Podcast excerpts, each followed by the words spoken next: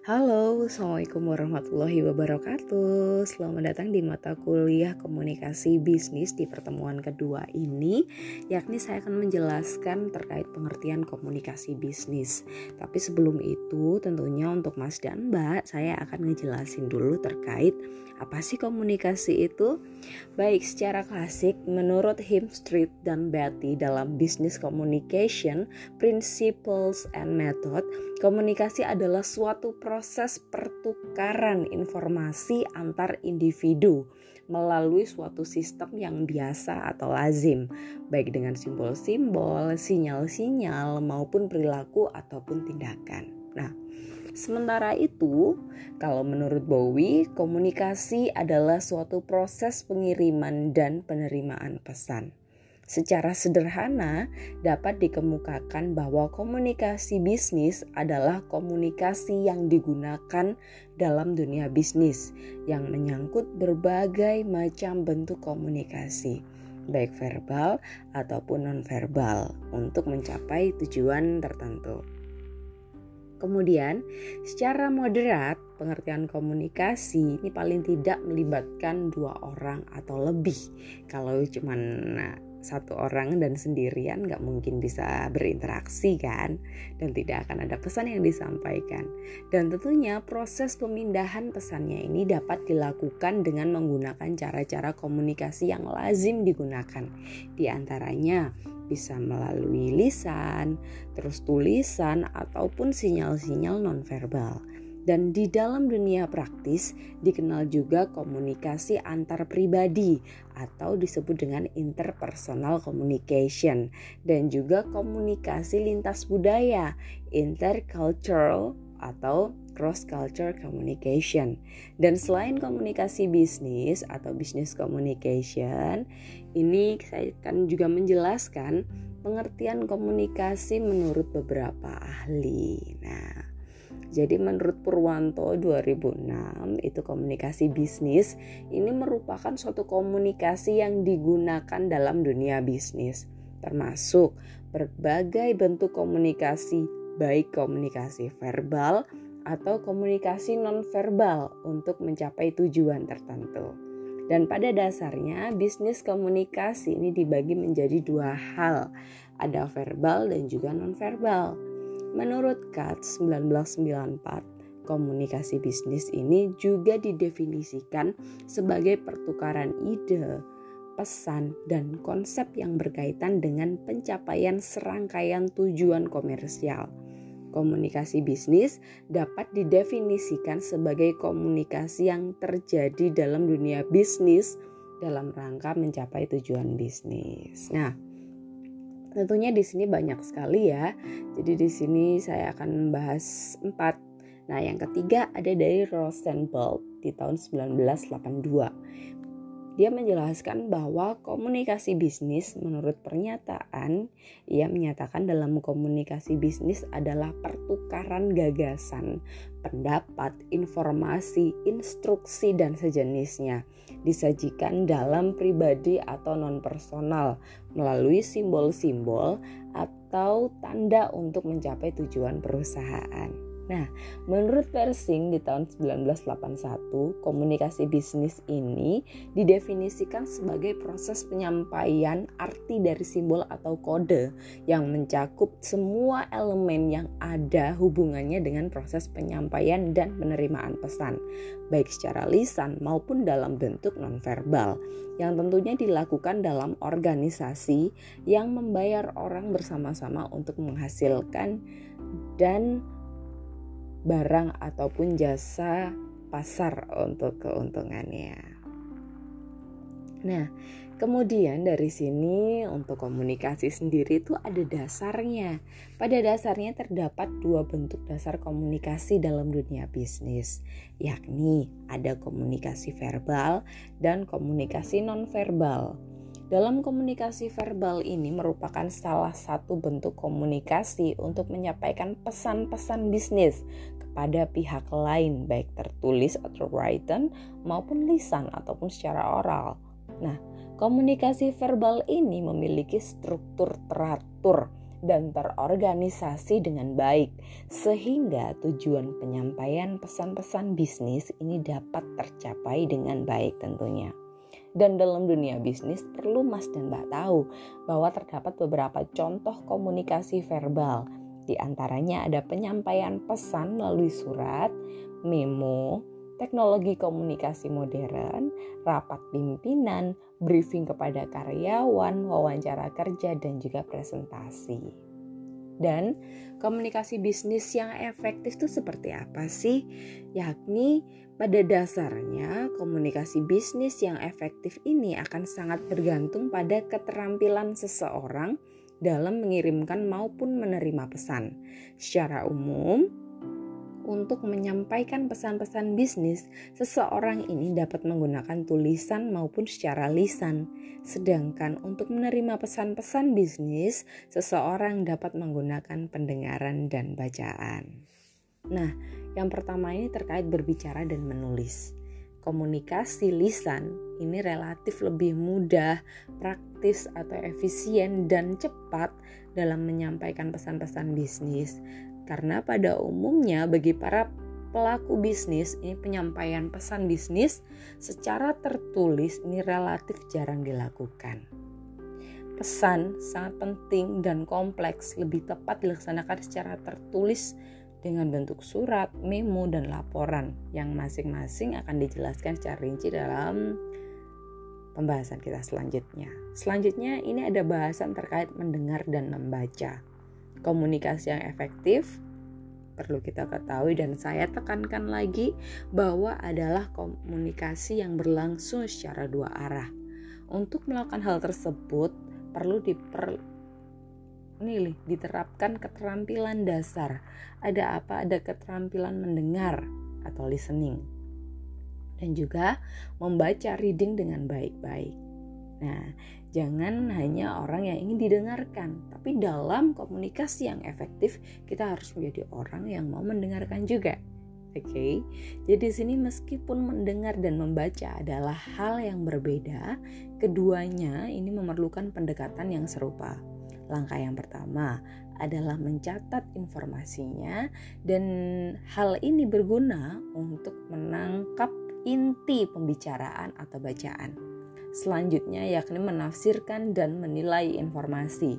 Langkah ini merupakan bagian terpenting dalam proses mendengar. Selanjutnya, dilakukan penyaringan suatu informasi yang bertujuan untuk memutuskan mana informasi yang penting dan tidak penting. Dan selanjutnya di sini adalah bahasan terkait komunikasi nonverbal. Nah, di sini saya akan membahas terkait teori antropologi ya. Jadi sebelum manusia menggunakan kata-kata, mereka telah menggunakan komunikasi nonverbal dalam gerakan-gerakan tubuh, bahasa tubuh atau kita kenal dengan body language sebagai alat untuk berkomunikasi dengan orang lain contoh sederhana komunikasi nonverbal. Jadi sikap seseorang yang secara spontan ini akan mengerutkan dahi, kemudian raut muka yang berubah atau mata berkedip-kedip tanpa disengaja dan tidak pernah direncanakan sebelumnya. Nah, contoh lain ya, di saat kita memperoleh kabar bahwa apa orang kesayangan mendapatkan satu-satunya penghargaan atau mendapatkan juara pertama dalam suatu lomba tingkat nasional ataupun internasional. Kira-kira gimana reaksi kalian? Senang bercampur haru atau melihat ekspresi wajah dari teman-teman kalian ini menghadapi masalah, kesusahan maupun mereka yang senang atau gembira. Nah, ini kadang beda-beda setiap orang. Terus kemampuan nonverbal ya, ini bersifat lebih spontan dibanding komunikasi verbal atau dalam hal penyampaian suatu pesannya ini. Pada umumnya, sebelum menyampaikan sesuatu, seseorang sudah memiliki suatu rencana tentang apa yang ingin dikatakan. Nah, Menurut Phil dan Bovey dalam Excellence in Business Communication, ini komunikasi nonverbal itu sebenarnya mempunyai enam tujuan. Di antaranya, yang pertama ada memberikan informasi, terus yang kedua ada mengatur alur percakapan, yang ketiga mengekspresikan emosi, yang keempat memberi sifat, melengkapi, menentang ataupun mengembangkan pesan-pesan verbal, mengendalikan atau mengatur orang lain dan juga yang terakhir mempermudah tugas-tugas khusus. Nah, dalam dunia bisnis, komunikasi nonverbal dapat membantu menentukan kredibilitas dan potensi kepemimpinan seseorang. Dengan kata lain, seorang manajer atau pemimpin dalam suatu organisasi bisnis juga harus dapat menjadi seorang komunikator yang baik.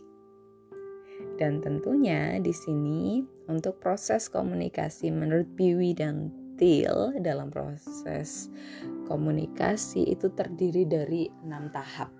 Yang pertama, pengirim mempunyai suatu ide atau gagasan. Oke. Okay. Yang kedua, pengirim ini mengubah ide menjadi suatu pesan. Agar ide dapat diterima dan dimengerti secara sempurna, pengirim pesan harus memperhatikan beberapa hal, yakni subjek. Ini apa yang ingin disampaikan? Maksud atau tujuannya, audiens, gaya personal, dan latar belakang budayanya. Yang ketiga adalah pengirim penyampaian pesan. Setelah mengubah ide-ide dalam suatu pesan, tahap berikutnya ini memindahkan atau menyampaikan pesan melalui berbagai saluran yang ada kepada si penerima pesan. Yang keempat, penerima menerima pesan. Nah, komunikasi antara seseorang dengan orang lain ini akan terjadi bila pengirim atau komunikator mengirimkan suatu pesan dan penerima pesan atau komunikan dapat menerima pesan tersebut. Yang kelima ada penerima menafsirkan pesan. Setelah penerima menerima pesan, tahap berikutnya adalah bagaimana sih dia harus menafsirkan pesan tersebut. Suatu pesan yang disampaikan pengirim ini harus mudah dimengerti dan tersimpan di dalam benak pemikiran si penerima pesan. Yang keenam adalah penerima memberi tanggapan dan mengirim umpan balik kepada pengirim. Umpan balik atau feedback ini adalah penghubung akhir dalam suatu mata rantai komunikasi. Nah, jadi dalam komunikasi ini suatu hal yang kita utamakan adalah efektivitas dalam penyampaian pesan tersebut. Kemudian biasanya dalam komunikasi ini ada muncul kesalahpahaman dalam komunikasi. Terdapat faktor-faktor penghambat komunikasi dapat dikelompokkan ke dalam empat masalah utama yang mencakup masalah dalam pengembangan pesan, penyampaian pesan, penerimaan pesan, dan juga penafsiran pesan. Dan Menurut Effendi di tahun 1986 terdapat faktor-faktor penghambat komunikasi. Ini dibedakan menjadi beberapa. Yang pertama ada hambatan sosial antropsikologis. Nah, ini proses komunikasi berlangsung dalam konteks situasional yang berarti bahwa komunikator harus memperhatikan situasi ketika komunikasi dilangsungkan. Sebab Situasi amat berpengaruh terhadap kelancaran komunikasi, terutama situasi yang berhubungan dengan faktor-faktor sosiologis, antropologis, dan juga psikologis. Nah, terus kemudian gimana sih cara memperbaiki suatu komunikasi? Yang kadang-kadang dalam komunikasi ini hasilnya tidak sesuai dengan apa yang kita harapkan. Dengan kata lain, komunikasi yang kita lakukan tidak bisa efektif, tidak mencapai sasaran dengan baik. Untuk melakukan komunikasi yang efektif, ini ternyata perlu diberlakukan atau perlu beberapa hal. Yang pertama ada persepsi jadi komunikator harus dapat memprediksi apakah pesan-pesan yang akan disampaikan dapat diterima oleh penerima pesan.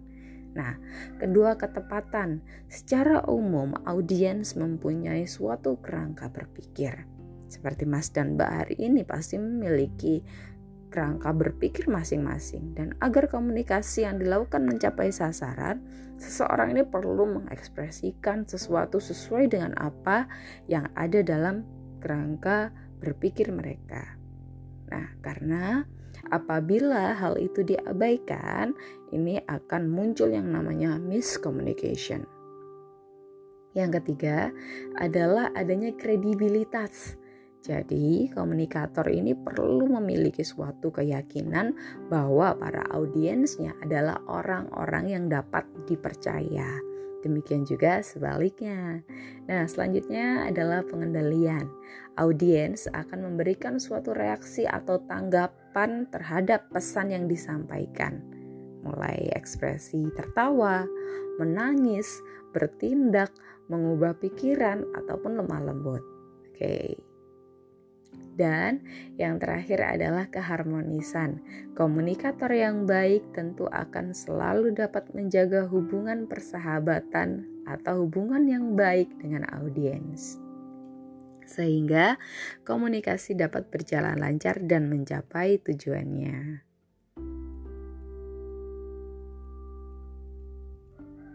Baik, demikian tadi terkait pembahasan materi pada hari ini terkait pengertian sebenarnya komunikasi dasar itu seperti apa sih? Dan komunikasi bisnis itu apa sih? Dan tentunya kita akan ada tugas dalam hal ini jadi kepada mahasiswa pengampu mata kuliah komunikasi bisnis di pertemuan pertama ini coba kalian membuat voice note di grup terkait bagaimana sih tanggapan kalian apabila ada komunikasi yang kurang efektif. Apa yang harus dilakukan? Oke, saya tunggu jawabannya. Terima kasih dan selamat mengerjakan.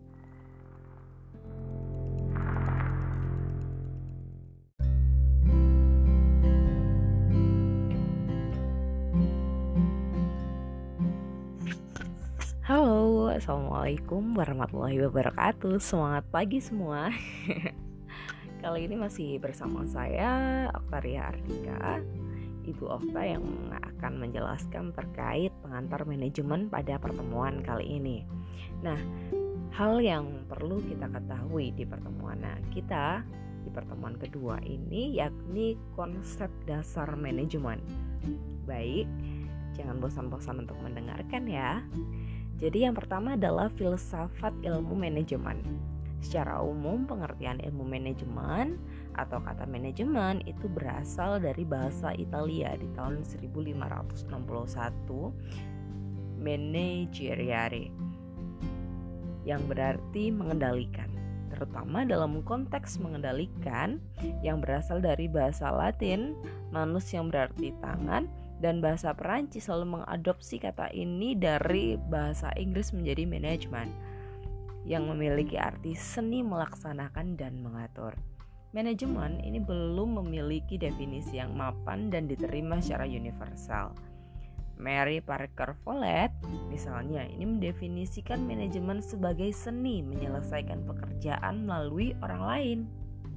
Nah, definisi ini berarti bahwa seorang manajer bertugas mengatur dan mengarahkan orang lain untuk mencapai tujuan organisasi.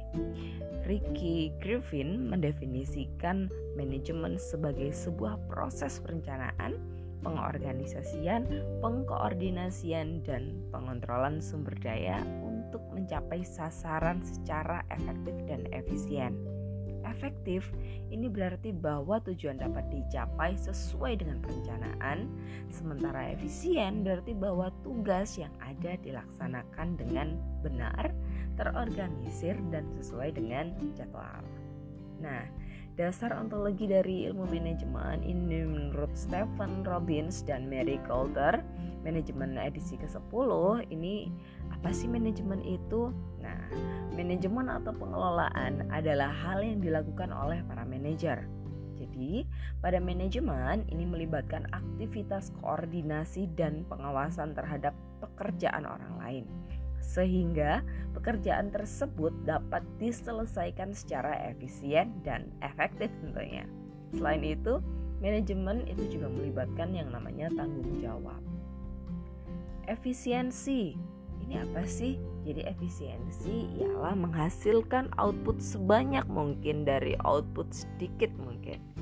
Efektivitas yakni mengerjakan hal yang tepat atau menjalankan aktivitas-aktivitas secara langsung yang mendorong tercapainya sasaran-sasaran organisasi.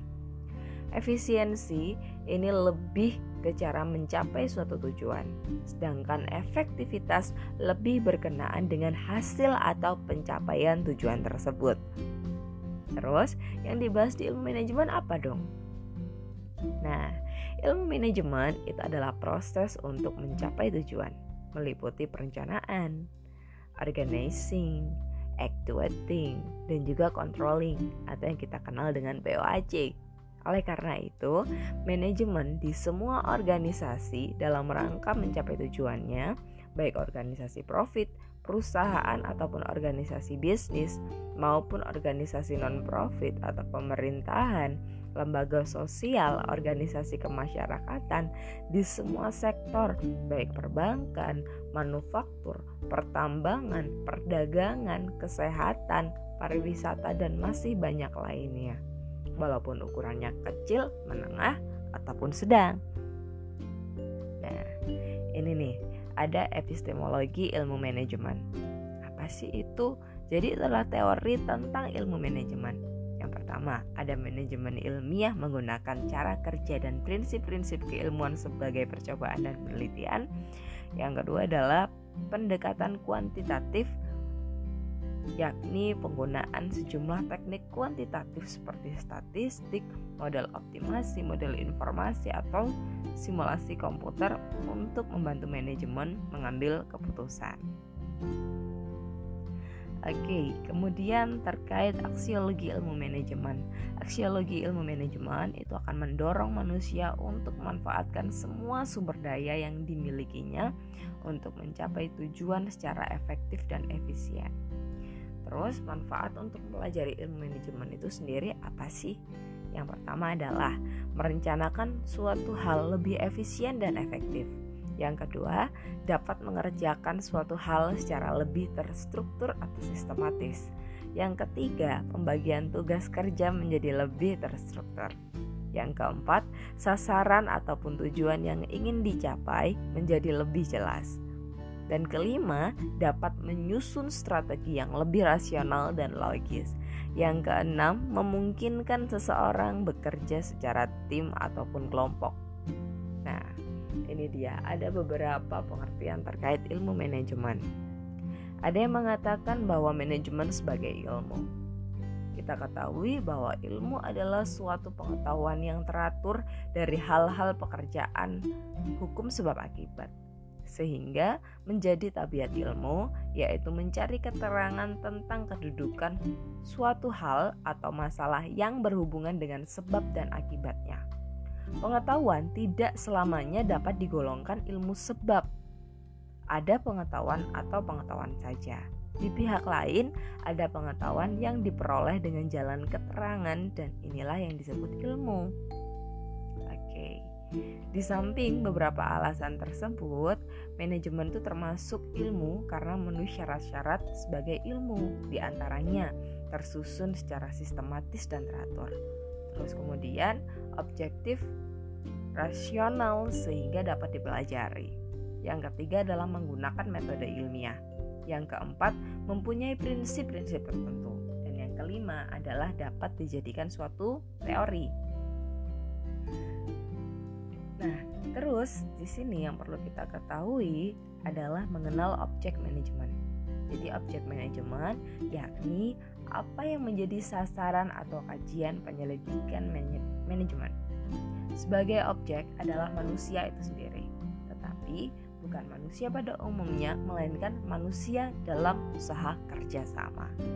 Sebagai usaha kerjasama itu tidak bisa dengan dirinya sendiri, akan tetapi perlu adanya orang lain atau melakukan orang lain.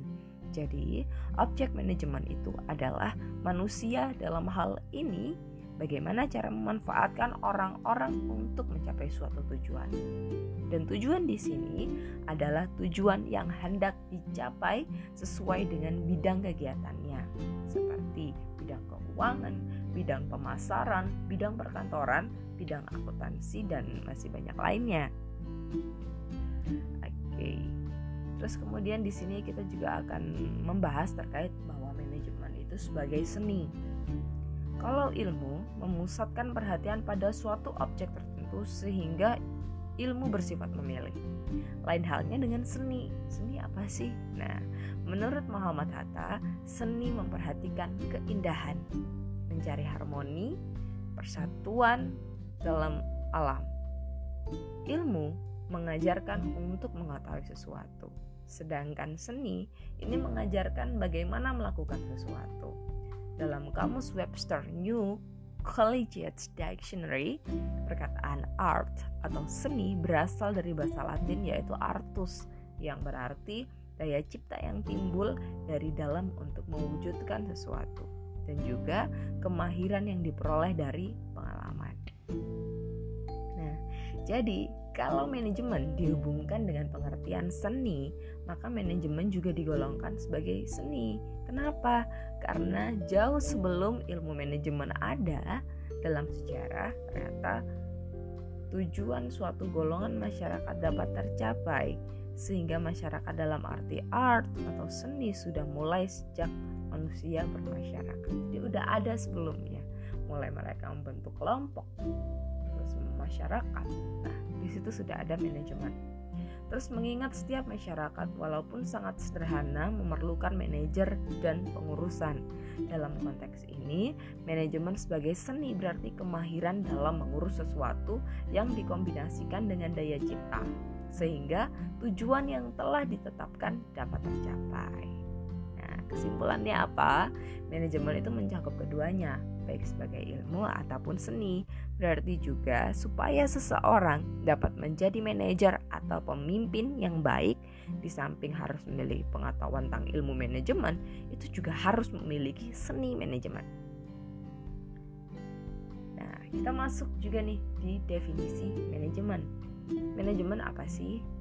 Manajemen ini merupakan suatu proses dalam rangka mencapai tujuan dengan bekerja sama melalui orang-orang dan sumber daya organisasi lainnya. Terus proses dalam manajemen apa aja? Seperti yang saya jelaskan minggu lalu. Ada P, O, A, C. Planning, perencanaan.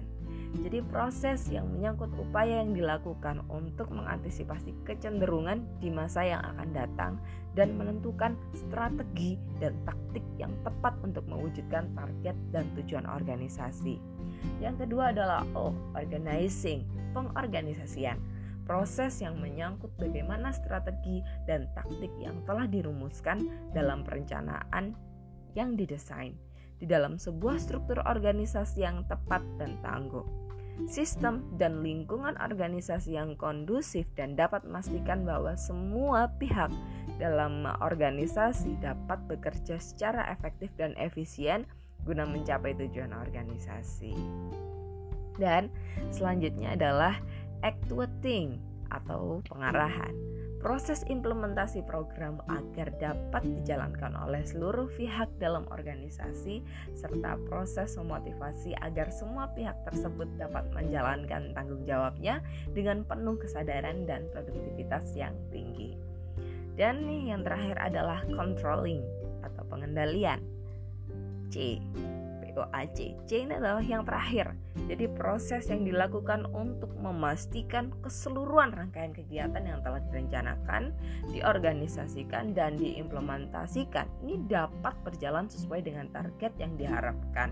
Sekalipun berbagai perubahan terjadi dalam lingkungan dunia bisnis yang dihadapi atau bagaimana lingkungan yang terjadi di lapangan. Oke. Okay. Dan perlu kalian ketahui bahwa di pengantar manajemen, pada dasarnya manajemen itu ada empat yang harus kita ketahui.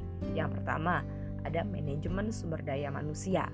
Jadi kegiatan manajemen berdasarkan fungsinya untuk memperoleh SDM yang terbaik bagi bisnis yang kita jalankan dan bagaimana SDM yang terbaik tersebut dapat dipelihara dan tetap bekerja bersama kita dengan kualitas pekerjaan yang senantiasa konstan ataupun bertambah. Yang kedua adalah manajemen operasional. Apa sih itu? Jadi kegiatan manajemen berdasarkan fungsinya untuk menghasilkan produk yang sesuai dengan standar yang ditetapkan berdasarkan keinginan konsumen dengan teknik produksi yang seefisien mungkin dari mulai pilihan lokasi produksi hingga produksi akhir yang dihasilkan dalam proses produksi tersebut. Yang ketiga adalah manajemen pemasaran. Kegiatan manajemen berdasarkan fungsinya yang pada intinya berusaha untuk mengidentifikasi apa sesungguhnya yang dibutuhkan oleh konsumen dan bagaimana cara pemenuhannya dapat diwujudkan. Dan yang terakhir ada manajemen keuangan.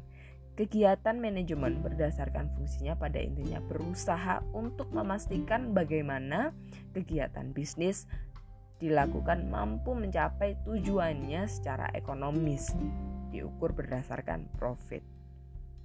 Oke, okay. ini dia dari beberapa keterangan terkait manajemen pada pertemuan kali ini dan tentunya sudah juga dibahas oleh kelompok yakni pengertian manajemen dari beberapa ahli. Dan tugasnya kali ini untuk absensi juga dimohon kepada seluruh kelompok ya atau seluruh mahasiswa yang hadir di mata kuliah pengantar manajemen pada kali ini dimohon untuk mengirimkan voice note terkait implementasi manajemen itu sebenarnya contoh-contoh perusahaan yang menerapkan ilmu manajemen itu sendiri di mana aja sih? Oke. Okay. Saya tunggu voice note-nya untuk absensi pada hari ini. Silahkan langsung di grup WhatsApp yang telah saya sediakan. Terima kasih dan selalu tetap semangat belajar dan juga jaga kesehatan. See ya!